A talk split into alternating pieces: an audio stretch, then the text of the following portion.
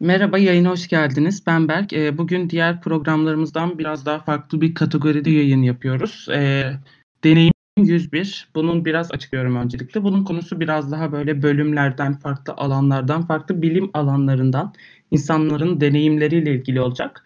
Eee, bugün yanımızda Gülşah var. Gülşah bize kendini tanıtabilir misin? Teşekkür ediyorum öncelikle. İsmim Gülşah. İstanbul Üniversitesi'nde biyoloji bölümü son sınıf lisans öğrencisiyim. Bölüme 2015 yılında girdim.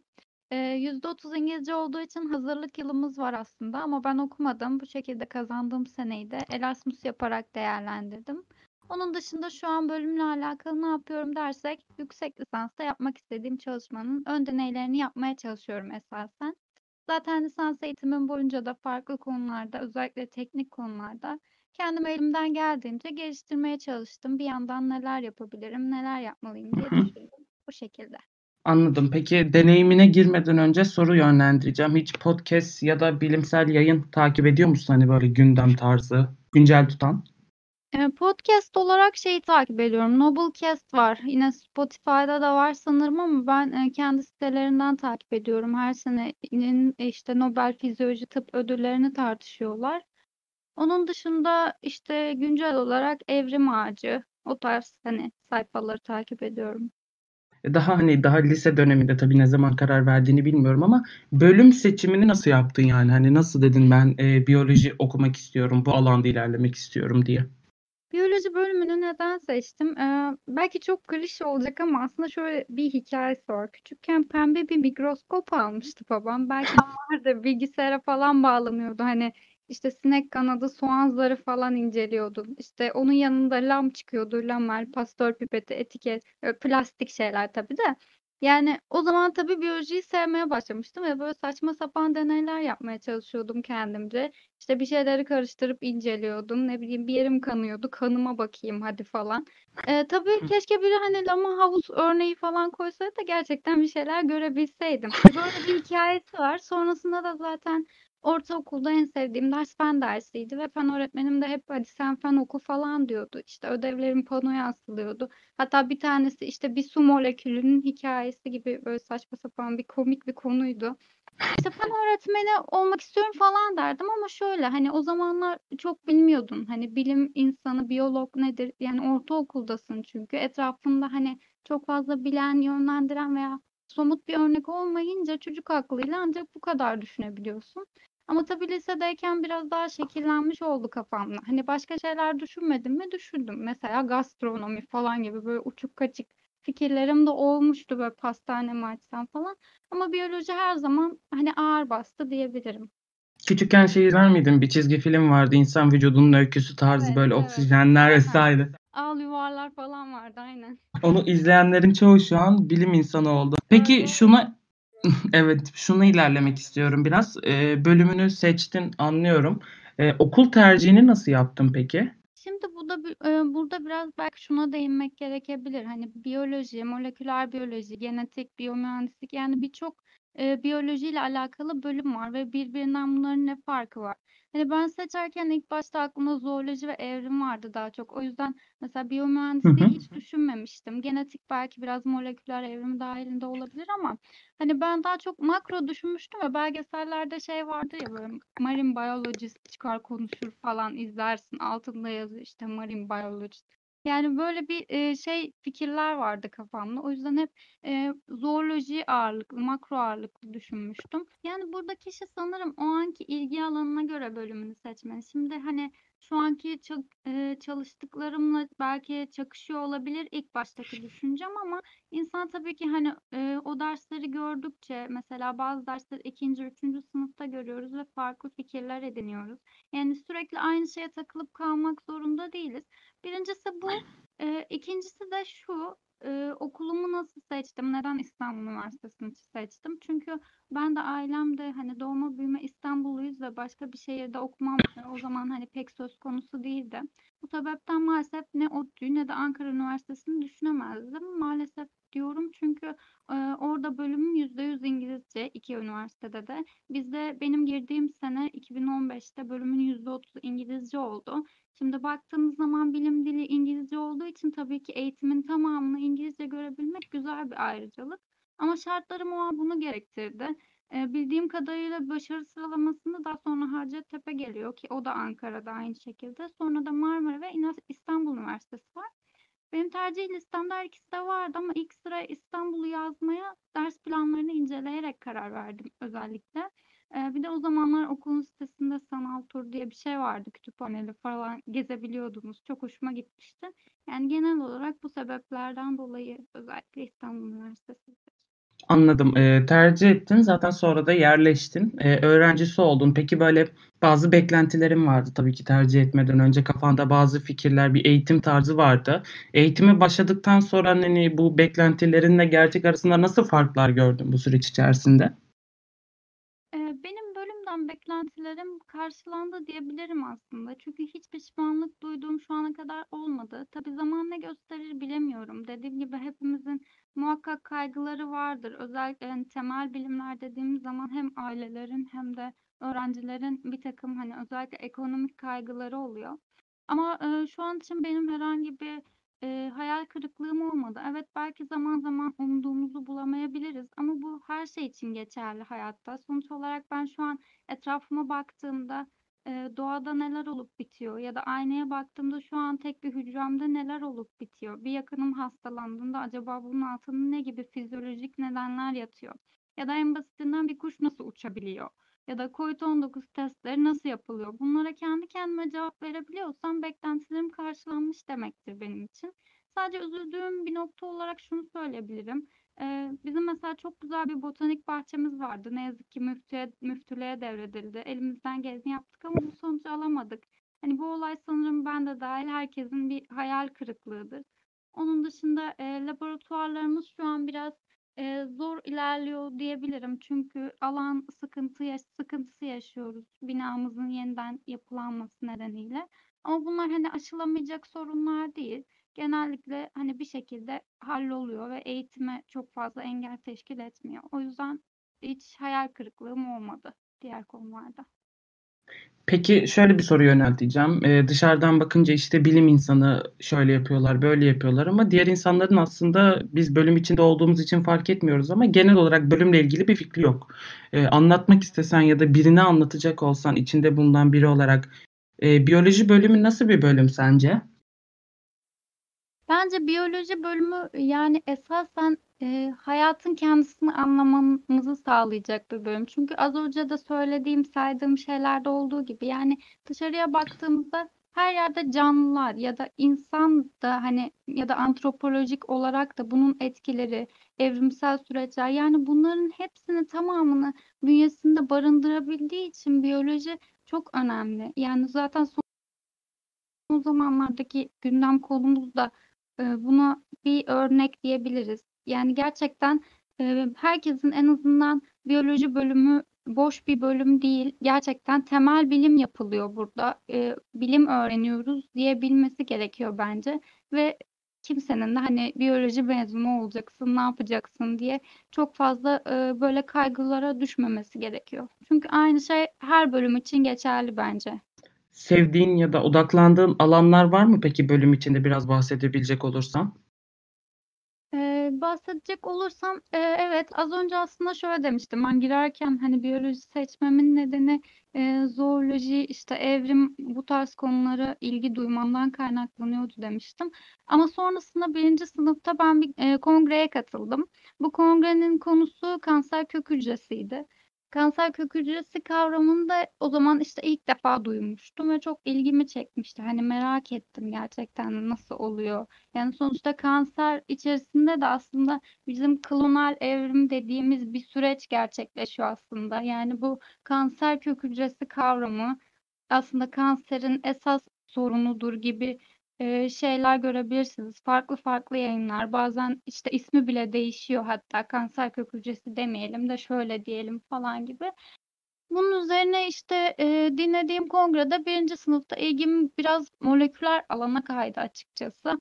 Sonrasında hatta eee, geçiş yapılabilirdi, yatay geçiş. Bunun için de bazı hocalarımla konuştum. İşte eee, yine moleküler biyolojinin transkriptlerini inceledim. Hangi dersler var, bizde neler var, neler yok gibi. Eee, sonra vazgeçtim. Hani geçiş yapmak istemedim. Çünkü kendi bölümümde de zaten, eee, son sene küme seçtiğimizde moleküler biyoloji seçebiliyorduk ve ben, eee, 4 senelik lisans eğitimim boyunca zaten devamlı şekilde laboratuvarlarda hem hücre kültürü tekniklerini hem moleküler biyoloji tekniklerini bir şekilde gördüm. Yani şu anda da hala eee, aynı alanda çalışıyorum diyebilirim. Kanser kök hücresi hani kanser alanında daha çok. Küme sisteminden bahsettin okulda olan. Onu bir açıklayabilir misin nasıl bir şey olduğunu? Tabii şöyle ki eee, biz 3 sene boyunca lisansın 3 senesi boyunca temel dersleri alıyoruz. Bu dersler arasında eee, işte sistematik, hayvan sistematiği, bitki sistematiği, histoloji, fizyoloji, eee, bu tarz eee, temel dersler var. Daha sonrasında tabii mikrobiyoloji vesaire. Daha sonrasında ilgi alanlarımıza göre farklı kümelere ayrılıp son sene bu farklı kümelerin eee, spesifik derslerini görüyoruz. Yani mesela hücre ve moleküler biyoloji kümesi var, mikrobiyoloji kümesi var, çevre biyolojisi kümesi var. Yani farklı farklı eee, kümelerde farklı farklı dersler oluyor ve ana bilim dallarının hocaları eee, kendi alanlarında dersleri veriyorlar. O şekilde. Anladım. Eee, bir de bu süreç içerisinde okulun bünyesinde sağladığı imkânlarla Erasmus yapmışsın. O süreçten ve nasıl bir deneyim olduğundan biraz bahsedebilir misin? Evet, tabii. Erasmus'ta, eee, şöyle oldu. Benim için, eee, tabii ki çok güzeldi. Erasmus yapıp da zaten pişman olan hiç görmedim şu ana kadar ama Bu benim yıl için yapanlar hariç. Evet, bu yılkiler hariç. Belki onlar da bilmiyorum. Hani şu an hâlâ dönmeyen arkadaşlarım var. Mutlu görünüyorlar. Bilmiyorum. Tabii ki. Neyse, öncesinde bazı, eee, nedenlerden dolayı, işte, hem çok stresli bir dönem geçirmiştim hem de hormonal bir rahatsızlığım olmuştu. Zaten bu rahatsızlığımdan dolayı ilaç kullanmaya başladım ve istem bu stresi malum panik hâlindeydim çok fazla. Dolayısıyla kendimi daha iyi hissedeceğimi düşünerek, hani, derler ya, işte, hava değişimi olsun diye Erasmus'a gitmeye karar verdim. Oradayken hatta ilaç kullanmaya devam ettim ama iyileşerek döndüm. Yani hakikaten Polonya'nın soğuk havası iyi geldi sanırım. Nasıl karar verdim peki hangi ülkeye gideceğime ya da hangi okula gideceğime? Şöyle oldu, o zamanlar, eee, tabii Türkiye'nin biraz, eee, ekonomik durumu daha, eee, kötüye gitmeye başladığı için, hani, çok fazla, ımm, euro bölgesine gitmek istemedim açıkçası. Çünkü her ne kadar hibe alsam da orada, hani, yaşam şartlarına da bir şekilde ayak uydurmak zorundayım. O yüzden, eee, Polonya ve Macaristan zaten çok sık gidilen yerler. Polonya'yı düşündüm ben de. Daha önce giden arkadaşlara danıştım falan. Sonrasında, işte, hangi okullarla anlaşmamız varsa onların, eee, ders programları, ders planlarını inceledim. Hangisi benim için daha faydalı olur diye. Eee, seçtiğim okulda, işte, Python dersi ve biyoinformatik dersi vardı. Özellikle o yüzden gittim diyebilirim aslında. Yani iyi oldu benim için. Gittiğimde hatta orada da bir projeye dâhil oldum ve oldukça verimli geçti diyebilirim. Yani insanın gerçekten hayatında yapması gereken bir deneyim. Peki oradaki biyoloji eğitimiyle buradaki biyoloji eğitimi arasında ne tür farklar gördün? Eee, ilk olarak şunu söyleyebilirim, çok güzel bir binaları vardı. Çok nizami ve her şey, hani, bir aradaydı. Yani, hani, bir üst kata çıkıyorsunuz, eee, sekanslama cihazları, yani, alt kata iniyorsunuz, işte, PCR cihazları, her şey böyle ortak kullanım alanı ve, eee, çok güzel bir şekilde yerleşmişti. Yani, o benim çok hoşuma gitmişti. Çünkü ben mesela projede Eee, Sancar dizileme yapıyordum ve üst kata çıkarıyorduk sadece. Hani herhangi bir firmaya göndermemize falan gerek kalmıyordu. Hani hoca arıyordu ve üst kata, eee, haz "Müsait misiniz?" diyordu. Çıkarıyorduk ve yapıyorlardı. Bir hafta sonra sonucunu alıyorduk. Bu çok güzeldi bence, hani orası için söyleyecek olursam. Onun haricinde eğitim açısından da şöyle, eee, daha çok öğrenci ağırlıklı, eee, eğitim vermeye çalışıyorlar. Çünkü bizim her derste illaki bir sunumumuz oluyordu. İllaki bir, eee, proje tarzı bir şeyimiz oluyordu. Yani genel olarak, eee, böyle bir avantajı vardı diyebilirim. Eee, ekipman ulaşılabilirliğiyle biraz öğrenci odaklı bir eğitim o zaman farkı diyebiliriz buradakiyle oradakinin. Yani, evet. De aynı zamanda tabii, hani, ekonomik olarak da dediğim gibi, hani, etkisi gerçekten oluyor. Çünkü atıyorum projede yine mesela eee, bir jel yaptığım zaman yarısını kullanmayacaksam kaldırıyordum. Mesela bazen hoca diyordu ki hani gerek yok atabilirsin. Ama biz genellikle onu atmıyoruz. Yani ertesi gün kullanmayı tercih ediyoruz. Öyle şeyler yaşadığım oluyordu. Yani döndükten sonra da en çok zorlandığım konulardan birisi zaten malzeme sıkıntısı. Çünkü orada işte eldiveni bir sefer kullan, at. Hani hiç bir şeyi tutmana gerek yok yani. Çünkü var hani. Yaptığım zaman da zaten hoca tuhaf tuhaf bakıyordu. Sonra işte alışıyor insan gittiği yerin şeyine göre. Peki burada da bir proje sürecisin, eee, sürecine dahil olmuşsun. Hatta devam da eden bir süreç. Biraz ondan bahsedebilir misin? Nasıl başladı, nasıl ilerliyor, nasıl bir süreçten geçtin, zorlukları neler tarzı? Şu anda benim eee dahil olduğum projelerden bir tanesi eee, kendi yüksek lisans tezimde yapmak istediğim çalışmanın ön eee, denemesi gibi bir çalışma. O yüzden hep hani kendim emek vererek, yazarak, çizerek, işte zorlanarak yaptığım bir e, çalışma oldu. Sen de hani biliyorsun ki. Eee, onun için şöyle, önce tabii hocanızla birlikte hani oturup zaten konuşursunuz. Ne yapılabilir, ne eksik, literatürde ne var, ne yok. Yani çünkü ben zaten Eee, var olan bir şeyi tekrardan yapıp da boşu boşuna hem zaman hem efor hem maddi kayıplar yaşamak istemem. O yüzden farklı şeyler bulmaya çalışıyorsunuz ve ona göre ciddi bir literatür taraması yapmanız gerekiyor.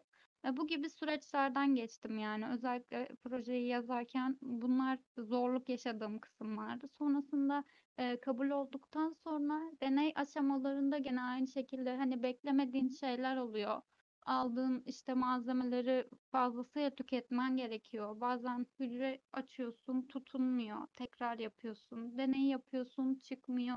Nerede yanlış yapıyorsun, dönüyorsun, bakıyorsun derken hani çok e, beklemediğin zamanlar geçiyor. Bir anda bakmışsın hani projenin kapanması gerek. Onu yazacaksın. e, Pandemi ilan ediliyor falan herhalde bayağı bir değişik süreçlerden geçtik şu proje boyunca. Yani, eee, proje için diyebileceğim herhâlde bunlardır. Hani, çok, ııı, böyle tecrübe sahibi insanlar tabii ki daha iyi, eee, örnekler verebilir ama şunu söyleyebilirim ki önemli olan, yani, literatür taraması ve o zaman, hani, nerelerde sıkıntı çıkabileceğini ya da, eee, nerelerin seni zorlayabileceğini az çok görüyorsun zaten. Peki şu anki projenin konusu ne senin?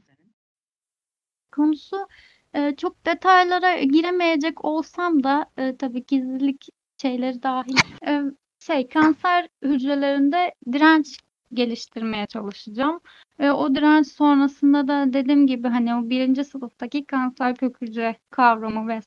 hani, dediğim gibi kanser süreci de, hani, bir, eee, klonal evolüsyondan geçerekten aslında direnç kazanan hücreler, daha sonrasında o hücrelerin tedavi sonrası hâlâ orada kalabilmesi, daha sonrasında metastaz yapabilmesi, yani bunların, eee, çeşitli sebepleri ve birbiriyle bağlantıları sonuç olarak ben de bunun üzerine gitmeyi düşündüm ve, eee, bu tarz bir çalışma yapmaya karar verdim. Onun üstüne çalışıyorum. Peki şu an laboratuvarda aktif olarak çalışan biri olarak, hani, lisans eğitiminde biyolojide spesifik olarak İstanbul Üniversitesi'nde olduğu için ona örnek verebiliyorum tabii ki. Hani, öğrenci aktif olarak yer almak istemezse gözlemci konumunda kalabiliyor lisans eğitimi sürecinde, eee, laboratuvar çalışmalarına. Sen bunu bir adım ileriye taşıyarak, a laboratuvarda kendi projeni de vermeye, eee, başlamışsın, çalışmışsın. Laboratuvarda da çalışıyorsun şu an. Eee, laboratuvarda çalışmak için, eee, ne tarz şeylerin sende değişmesi gerekti? Ne tarz özellikler kazanman ya da kaybetmen gerekti ya da bilimsel bir araştırma yapabilmek için?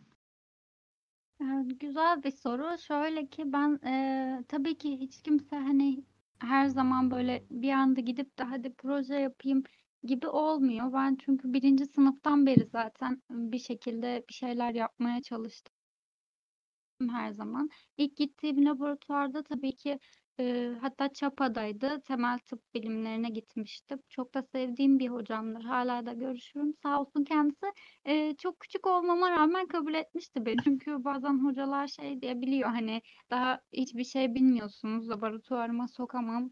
diyebiliyorlar. Ama orada işte konuştuk, hoca da kabul etti beni ve orada başladım ilk önce hücre kültürünü izlemeye. Tabii ki hani çok yardım edebiliyordum sadece. Bir şeylerin tamamen içinde olamıyordum. Daha sonrasında farklı yerlere gittim. Yeditepe'de yine yaptım. Orada moleküler e, biyoloji tekniklerini gördüm daha çok. Daha sonrasında işte Erasmus'ta DNA barkodlama çalışırken PCR yaptım bol bol. Yani çok zorlu bir süreç oldu PCR, DNA barkodlama süreci. Eee, daha sonrasında tabii bütün bunları yaptıktan sonra zaten bir şekilde hani gördükçe insanın kafasında illaki oluşuyor bir şeyler ve, eee, aklına devamlı bir şey geliyor. Yani o yüzden çok da zor bir şey olmuyor aslında.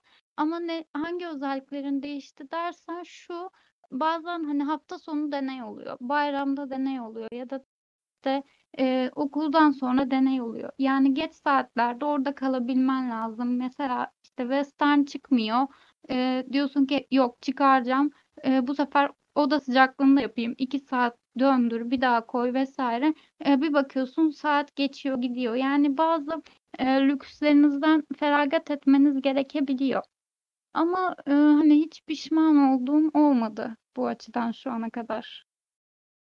Peki akademik olarak kendini ilet ilerletebilmeleri için lisede bu bölümü düşünen ya da şu an lisansta olup daha bilimsel olarak sürece dahil olmak isteyen insanlar için ne önerebilirsin? Ne yapmalılar sence? Neyi geliştirmeliler? Neye odaklanmalılar ya da?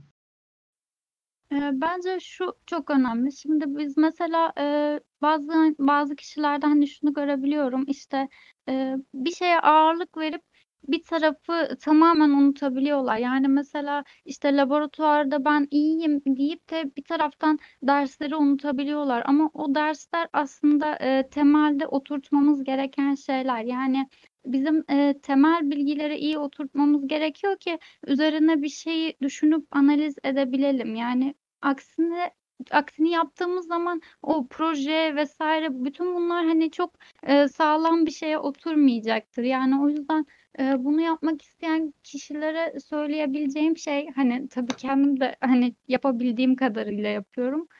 Eee, temel bilgi oturtmak. Yani moleküler biyoloji ise, işte, kalkıp tabii, eee, Lodish'in, eee, kitabını okuyabilirsin bir şekilde. Ne bileyim ya da, eee, temel makaleleri okuyabilirsiniz ya da Nature'da, işte, derlemeleri vesaire okuyabilirsiniz. Yani, eee, böyle çok, eee, basit, herkesin yapabileceği şeyler aslında. Imm, bazı kaynaklar saydın orada. Önerebileceğin şeyler var mı insanlara, hani, okuyun, araştırın tarzı kendilerini geliştirebilecekleri açıdan? Eee, şunu şunu söyleyebilirim. Dediğim gibi, hani, Nature'da makale olarak şöyle, eee, şey yapabilirler, hani, değerleme makalelerin olduğu ya da böyle, eee, bazen tek sayfalık şey çıkartıyorlar. Onlar da böyle çok, kısa kısa bilgiler içeren, onlar olabilir veya, hani, bir kitap okumak istiyorlarsa tabii, hani, kitaplar, çok, ııı, maliyetli olabiliyor ama, eee, bazı sitelerden, eee, indirilebiliyor. Tabii söyleme bilmiyorum doğru mu şu an ama yani işte bazı sitelerden indirebilirsiniz kitapların PDF'ini. Yani mesela siz ne çalışmak istiyorsunuz? Hani mikrobiyoloji mi? O zaman bir elinizde e, bro mikrobiyoloji ol- olabilir. Hani mikroorganizmaların biyolojisi veya immünoloji mi bilmek istiyorsunuz? O zaman e, Abbas immünoloji olabilir veya işte ne bileyim Campbell biyoloji için mesela çok temel bir kaynaktır ki Palme Türkçesini de çıkardı. Yani Türkçe veya İngilizce bir şekilde bulup yararlanabilirsiniz çok temel kaynaklardan. Yani textbook önemli. Onu söyleyebilirim. Hani çünkü genel bilgiyi ve doğru bilgiyi genelde onlar içeriyor. Sonrasında da tabii ki makaleler.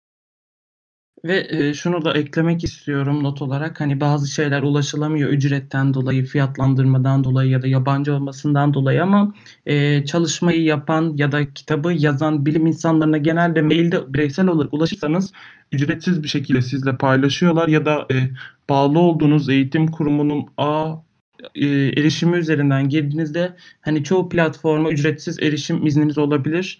Bunu da aynı şekilde danışarak öğrenmenizi tavsiye edebilirim. Çünkü e, ücretsiz erişim sağlayabilecek kaynaklar bulunabiliyor. Online kütüphaneler bulunabiliyor aynı şekilde. Ya da bazı işte Facebook gruplarında vs. şey yapılabiliyor. Yani sorduğunuz zaman işte şu yayına ulaşamadım vs. yardımcı olan bir sürü insan çıkıyor yani o konuda sıkıntı olmaz. Hani sadece e, diyorsanız ki ben bilgisayardan okuyamıyorum, ben kitap insanıyım. O zaman sadece almanız gerekebilir. Benim mesela dikkatim çok fazla dağıldığı için hani hep kitap üzerinden gitmeyi tercih ederim. Çünkü bilgisayarda çok rahat çalışamıyorum. Onun dışında e, şu an kitaplarıma bakıyorum bir taraftan da. Mesela şu an kitaplığımda gördüğüm The Cell var. O da çok hani şeydir, baba bir kitaptır. Biliyorsunuzdur belki de. E, onun haricinde Harper Biyokimya çok bilindik ve e, biyokimyayı oturtmanız gereken bir e, şeydir. Nasıl diyeyim? Kök hücre kitabı da var öyle aynı şekilde. Tabii Alpcan Kök Hücre aynı şekilde şu anda gördüklerim. Onun dışında tabii bunlar benim hani kendi e, alanıma yakın olan şeyler olduğu için onları sayabiliyorum. Ama onun haricinde tabii e, ne bileyim bir evrimsel analiz vesaire bu tarz kitaplar da var. Yani yine sizin ilgi alanınız oysa onları da şey yapabilirsiniz. Aynen. Moleküler Tabii ki. biyolojisi Lodish'in mesela şu an gördüğüm kadarıyla kitaplığımda bunlar var. Tabii ki kendinizi güncel tutmak için bizim e, günden yayınımızı da dinleyebilirsiniz. Bir saati geçmeyen oradan biyolojik gelişmeleri paylaşıyoruz. Peki e, yüksek lisans düşünüyor musun? Düşündüğünü söyledin zaten ama hani biraz daha detaylı sormak istedim.